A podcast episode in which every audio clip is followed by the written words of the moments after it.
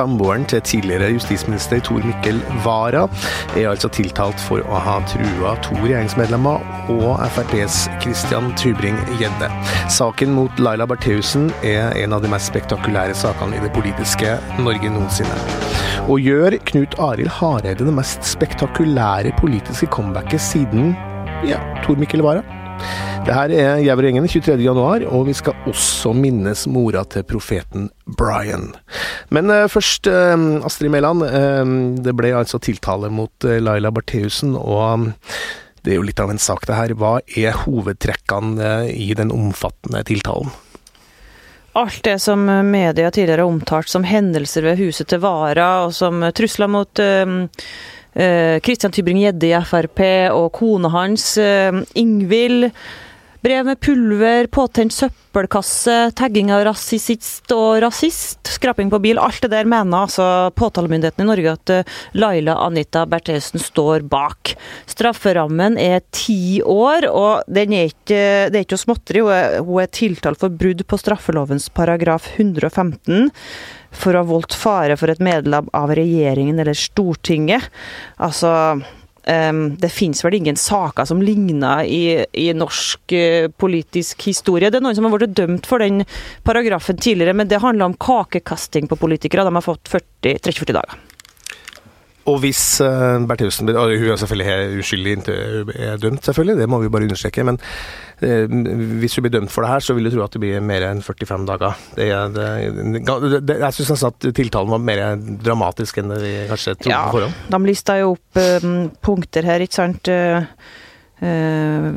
Tor Mikkel Wara våkna opp uh, på morgenen og fant uh, hakekors på, på, veggen sin og, og rasist på, på bilen. Og, og inni bensintanken eller drivstofftanken så var det en hyssing som var tent på. Senere så fant han et brev med, med kvitt pulver som sikkert kunne gi assosiasjoner til sånne antraksbakterier. Og det kom jo flere trusselbrev som um, handla om å bare slutte å forfølge oss, og, altså trusler, de grove trusler. Altså, det her må jo ha vært en um, periode i, i, hans liv som, og familiens liv som var forferdelig skummel, rett og slett. For det, det var altså fra desember 2018.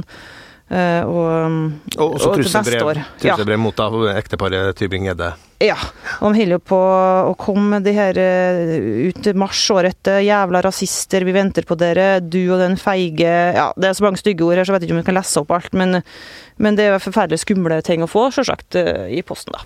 Og eh, bakgrunnen her, eh, Hannes Kartvedt, var jo altså Jeg husker jo når saken kom, vi fikk jo helt eh, sjokk alle sammen. Jeg husker jeg dro sammen med Anders Giæver opp og, og, så på den pressekonferansen da det her ble Og vi tenkte at blir han noe til Altså, er det hun som står bak, er det det de vil komme fram til her? Og så sa da Benedicte Bjørnland rett ut at hun har blitt Eh, skal da eh, tiltalt for det. Eh, så, så, fikk vi jo sjokk. Det var jo Er det mulig? Altså, det, det er en sak som nesten er større enn vår, hvordan vi kan tenke oss. Og bakgrunnen hans, det handla om et teaterstykke, her, ikke sant? Ja, Ways of Seeing, en sånn si, protestteatergruppe som hadde laget en teaterforestilling og tatt bilder av hus til flere kjente politikere og aktivister og forskjellige folk som de mente bidro til å skape et mer rasistisk og kaldt Norge. Mm. Og det ble en teaterforestilling hvor de viste bilde av disse hjemmene. Og det førte til en stor debatt om hadde de krenket privatlivets fred eller ikke. Hvor mye skal politikere tåle? Hva er liksom det med å tråkke innenfor privatsfæren? Så det var en stor debatt eh, hvor vi alle mente eh, mye om det, men hvor eh, ingen av oss kunne se for oss at eh, det som kom av trusler etterpå, faktisk var fra justisministerens egen samboer. Og så skrev hun jo en kronikk her i VG, som jo ble masse delt, og hvor hun beskrev hvor forferdelig det her har vært. Som også bidro selvfølgelig til å, til å vri debatten, tankene om hva som sto bak en annen retning, i hvert fall enn det hun, da. Astrid, du sa jo litt sånn, men er det noe vi Kan det her sammenlignes med noe? Er det, har vi sett noe sånn som det her? Nei. Kort sagt nei. Uh, og det hele kompliseres jo at justisminister Tor Mikkel Wara, daværende, var jo sjefen og satt på toppen mens eh, saken mot mot har vært etterforska.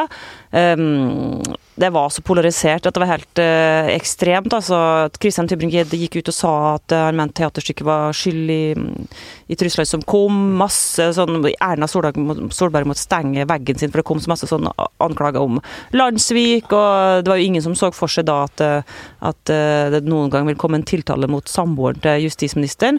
hun anmeldte Ways of Seeing for, for krenking av privatlivets fred. Og når den eh, Oslo-politiet henla den, så ble det så mye styr i offentligheten at den ble eh, beordra opptatt igjen av statsadvokaten. Og det gikk så langt som at de vurderte å ta ut en siktelse mot eh, Ways of Seeing, ifølge VG den gangen. Dagen etterpå så ble Laila Bertheussen sikta.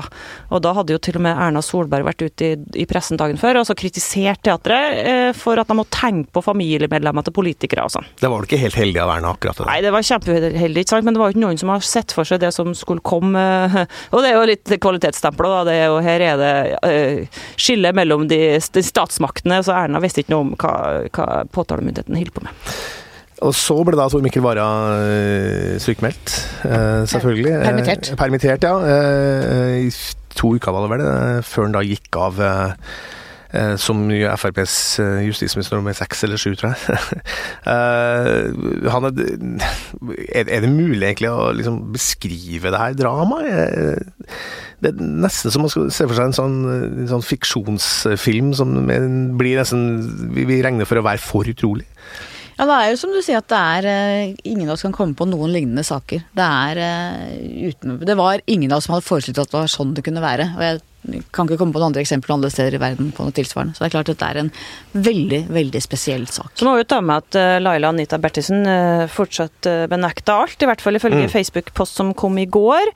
Og det skal jo være en rettssak, og det skal være bevisførsel. og Hun er altså da uskyldig inntil det motsatte er bevis. Men det som påtalemyndigheten mener her, er jo altså at hun har gjort eh, godt til det ytterste for å, for å sette seg sjøl i en ekstrem offerrolle. Det er jo det det handler om. ikke sant, at hun Um, de mener at hun uh, syns det ja, skal, at verden skal synes synd på henne, for at hun, hennes hus har blitt uh, vist i teaterstykket, hun har blitt filma um, osv. Altså, ja. Hva tenker du om saken Tone Sofie Hagle?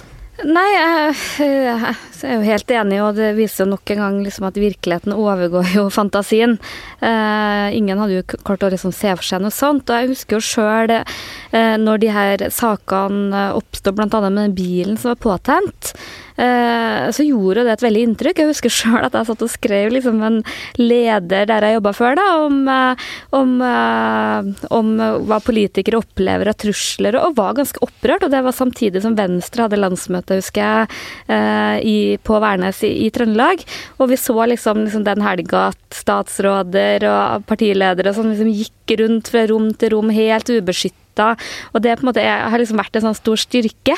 Eh, så det er jo ikke bare Erna Solberg som eh, ikke forutså det der. Og jeg må jo også si at jeg syns jo at det er en utrolig trist sak. Og det var jo landsmøte i Høyre mm, den helga etter at det her eh, kom fram. Og jeg tror det, liksom, det var så mange som var liksom så, så lei seg og virkelig ikke unna Tor Mikkel Wara den situasjonen. For han var liksom en person som mange var glad for å ha tilbake i politikk politikken og hadde en høy stjerne i Høyre, og nå endelig skulle liksom Frp få orden på justisministerrekka, og så skjer det der.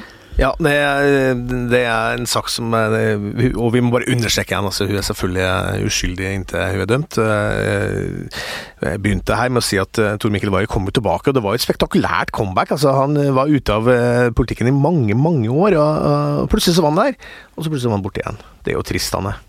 Ja, og han var jo en veldig dyktig Han var jo virkelig en av de store stjernene i Frp på begynnelsen av 1990-tallet. Eh, satt i finanskomiteen, var eh, kjent og populær og en veldig sånn prinsipiell politisk tenker. Eh, så jeg tror det var mange som tenkte at det var eh, godt nytt for Frp da han kom tilbake til politikken som justisminister. Han hadde nesten blitt en sånn mytisk figur eh, utafor politikken. For det, det var liksom gått så mange år. og og fra han hadde vært og sånn. Så det, jeg husker liksom bare det voldsomme gløden i særlig det liberale Frp når han kom tilbake. Så det var liksom eh, på mange plan trist, da.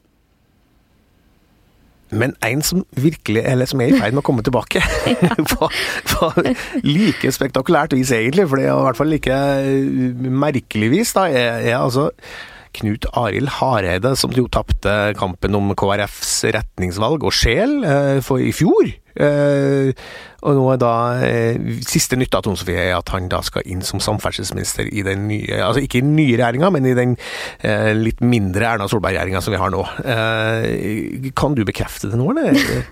ja, det er jo VG som har kommet med de opplysningene, og nå er jo en sånn fase at Fasiten vet vi jo ikke, men mye tyder på det. Men det viser jo det at å spå i norsk politikk Hvis noen hadde sagt for en måned siden at om en måned så er eh, Hareide samferdselsminister, så tror jeg liksom ingen hadde trodd at det var mulig.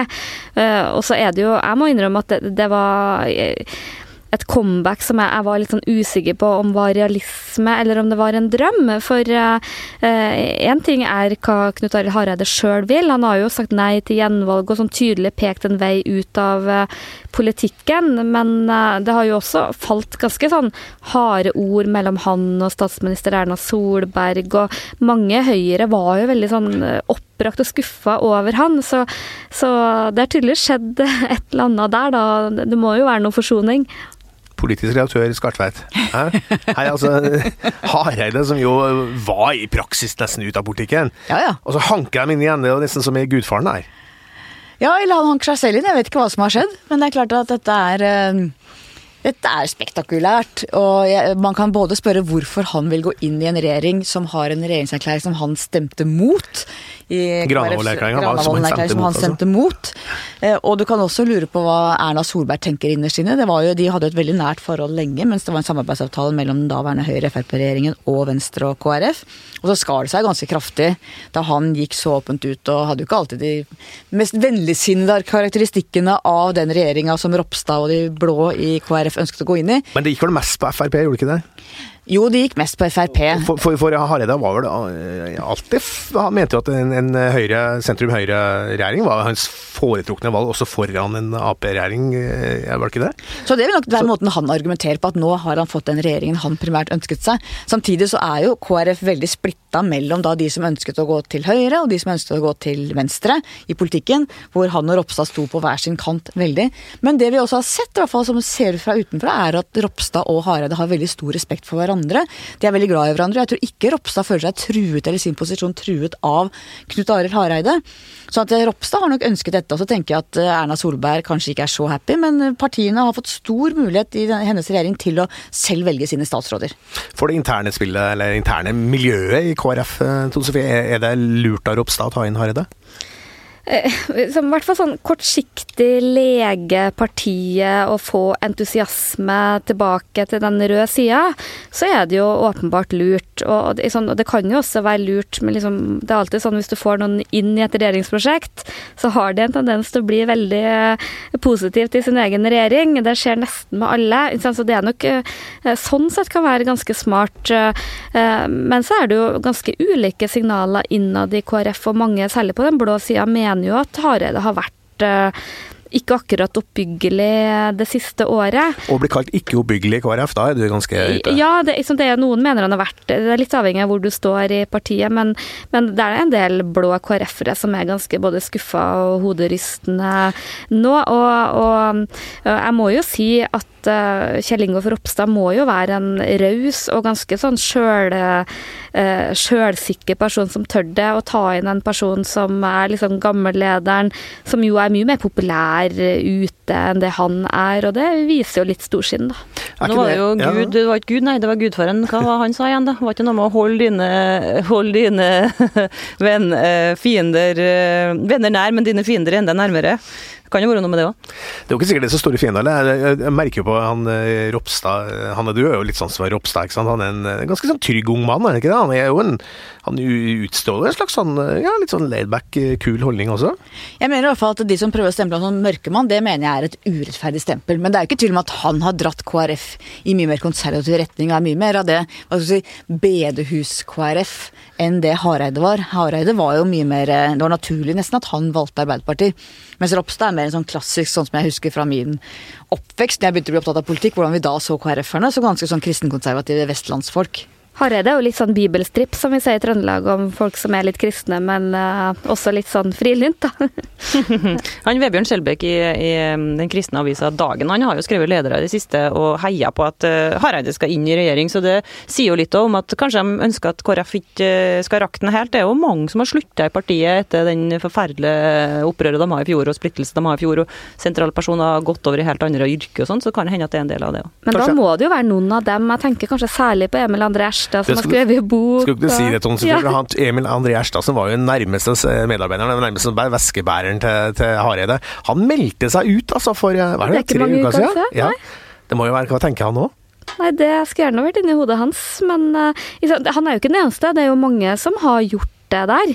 Så jeg lurer jo på Men var det en statssekretærdrøm som gikk Ja, det er, virker vel kanskje litt vanskelig å melde seg inn igjen etter tre uker. Du, en ting til eh, som virker å være rimelig etablert, da. Jeg vet jo ikke helt her før i morgen når regjeringa blir eh, trolig blir utnevnt, eh, eller eh, de nye statsrådene. Og da er altså Tina Bru fra Høyre som da skal bli nye olje- og energiminister. Og det er litt av et hopp fra Sylvi Listhaug til Tina Bru, er ikke det, Hanne? Er du gæren, det er det. Tina Bru er jo mye mer soft og mye mer Hun ser både klima og eh, oljehensynene. Så det er ikke tvil om at det blir en annen tone. Hva tror du, Astrid? Altså, hun sitter jo i hva heter det for noe, energikomiteen på Stortinget. Jeg tror hun har kjempegod greie på både kraft og olje. Så er hun jo fra Rogaland. Det eneste minuset er at hun ikke snakker dialekt. Hun snakker jo sånn Oslo-dialekt, så det kan jo høres ut som hun er fra, fra, fra Ring 2, men det, hun er altså representant for Rogaland. Da vil jeg bare si én ting til det, som Oslo-menneske. At så ofte at folk som flytter fra distriktene, men kommer til Oslo, straks blir definert som Oslo-folk fordi de bor i Oslo, selv om de snakker dialekt. Jeg vil si at Tone Sofie er fortsatt trønder, du er fortsatt rindaling, du er fortsatt trønder, men dere blir sett på som Oslo-eliten. Jeg er blitt kalt Oslo-kommentator nå har Skjalg Fjellheim for første gang. Så, det... så, at du har en rogalending som snakker Oslo og greier, det får man bare holde med. Litt mer filosofisk spørsmål. Når er vi hvor, Var det ikke Knut Olav Åmåsen som sa at han kom fra Odda? Ikke, altså ikke at han var derfra, men at han var derfra i utgangspunktet, men han flytta derfra og ble en ny person. Jeg tror ja. Tina Bru er for, veldig for f.eks. de kraftkablene som alle sammen er nå mot. Det er bare tippa, altså, men jeg har opplevd det, det på, på, på, diskusjoner på Facebook og sånn, at hun er mm. positiv og kan mye om kraft men Tina Bru sa jo også at uh, hvis norsk sokkel skal være utslippsfri innen 2035 helst, og det er ganske radikalt uh, fra høyre, høyrepolitikere, høyrehold. Hun har nesten fått det slik hun ville da. Ja, men altså, det er jo ikke sikkert at alle altså jeg tenker I forhold til Sylvi Listhaug, som jo ville ta pump opp alt sammen som fantes nærmest i uh, alle porer under sjøen her,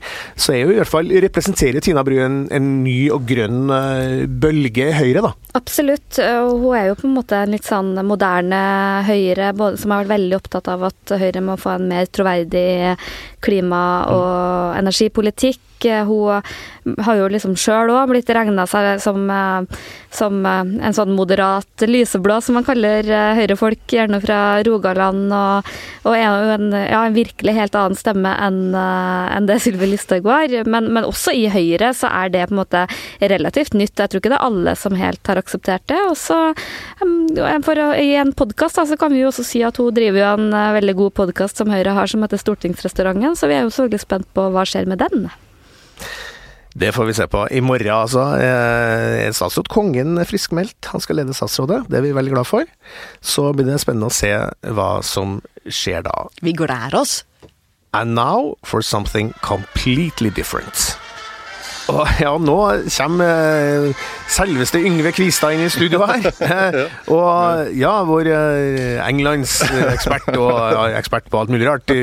Kunst og kultur og humor. For det som skjedde da, det var det jo trist sak, da, men uh, han har jo brakt så mye lykke og glede for alle sammen. Uh, Terry, Jones, Terry Jones, en av de sentrale i Monty Python, døde altså etter et uh, litt langt sykeleie med en demenssykdom som har vært ganske ja, litt, trist, den, litt trist sykeleie. Ja, redusert den veldig kraftig de siste åra. Terry Jones, han som jo var mest kjent kanskje som mora til Brian da, i Life of Brian. litt av en type, han her. Veldig. Altså, han er jo Han var jo han var kanskje den mest fargerike egentlig av, av de originale Monty Python-medlemmene. Fordi at han og til tross for at han stadig vekk fremstilte seg sjøl som eh, den kjedelige, den litt mutte for han var jo waliser, ikke sant? og de er jo kjent for å være litt sånn tunge. Litt sånn trøndersk, altså. Eh, eh, men, men han var jo For det første så var han jo den kanskje den mest tydeligste eksponenten for det absurde. eh, og det bisarre i eh, Monty Python. Eh, så hadde han jo sjøl et veldig fargerikt liv. Han sa jo ganske tidlig det avslørte ganske tidlig at han og kona hadde et sånn åpent forhold. Så de kunne få lov til å nær sagt ta seg med andre når de ville det. Det viste seg at der åpenheten var for så vidt litt kanskje mer i hans hode, da, for at på et eller annet tidspunkt så ble han tatt inn flagranti med en 40 år yngre svensk eh, dame, eh, Monty Python-fan, som han for øvrig eh, til slutt gifta seg med og også fikk et barn med. da. Så var han jo Tony Blair-kritiker. Han var ekstremt Mot krigen mot Irak, krigen i Irak, ja. Så, og, og, engasjerte seg der. Til tross for at han var jo i utgangspunktet en slags Han var jo et eller annet sted på venstresida.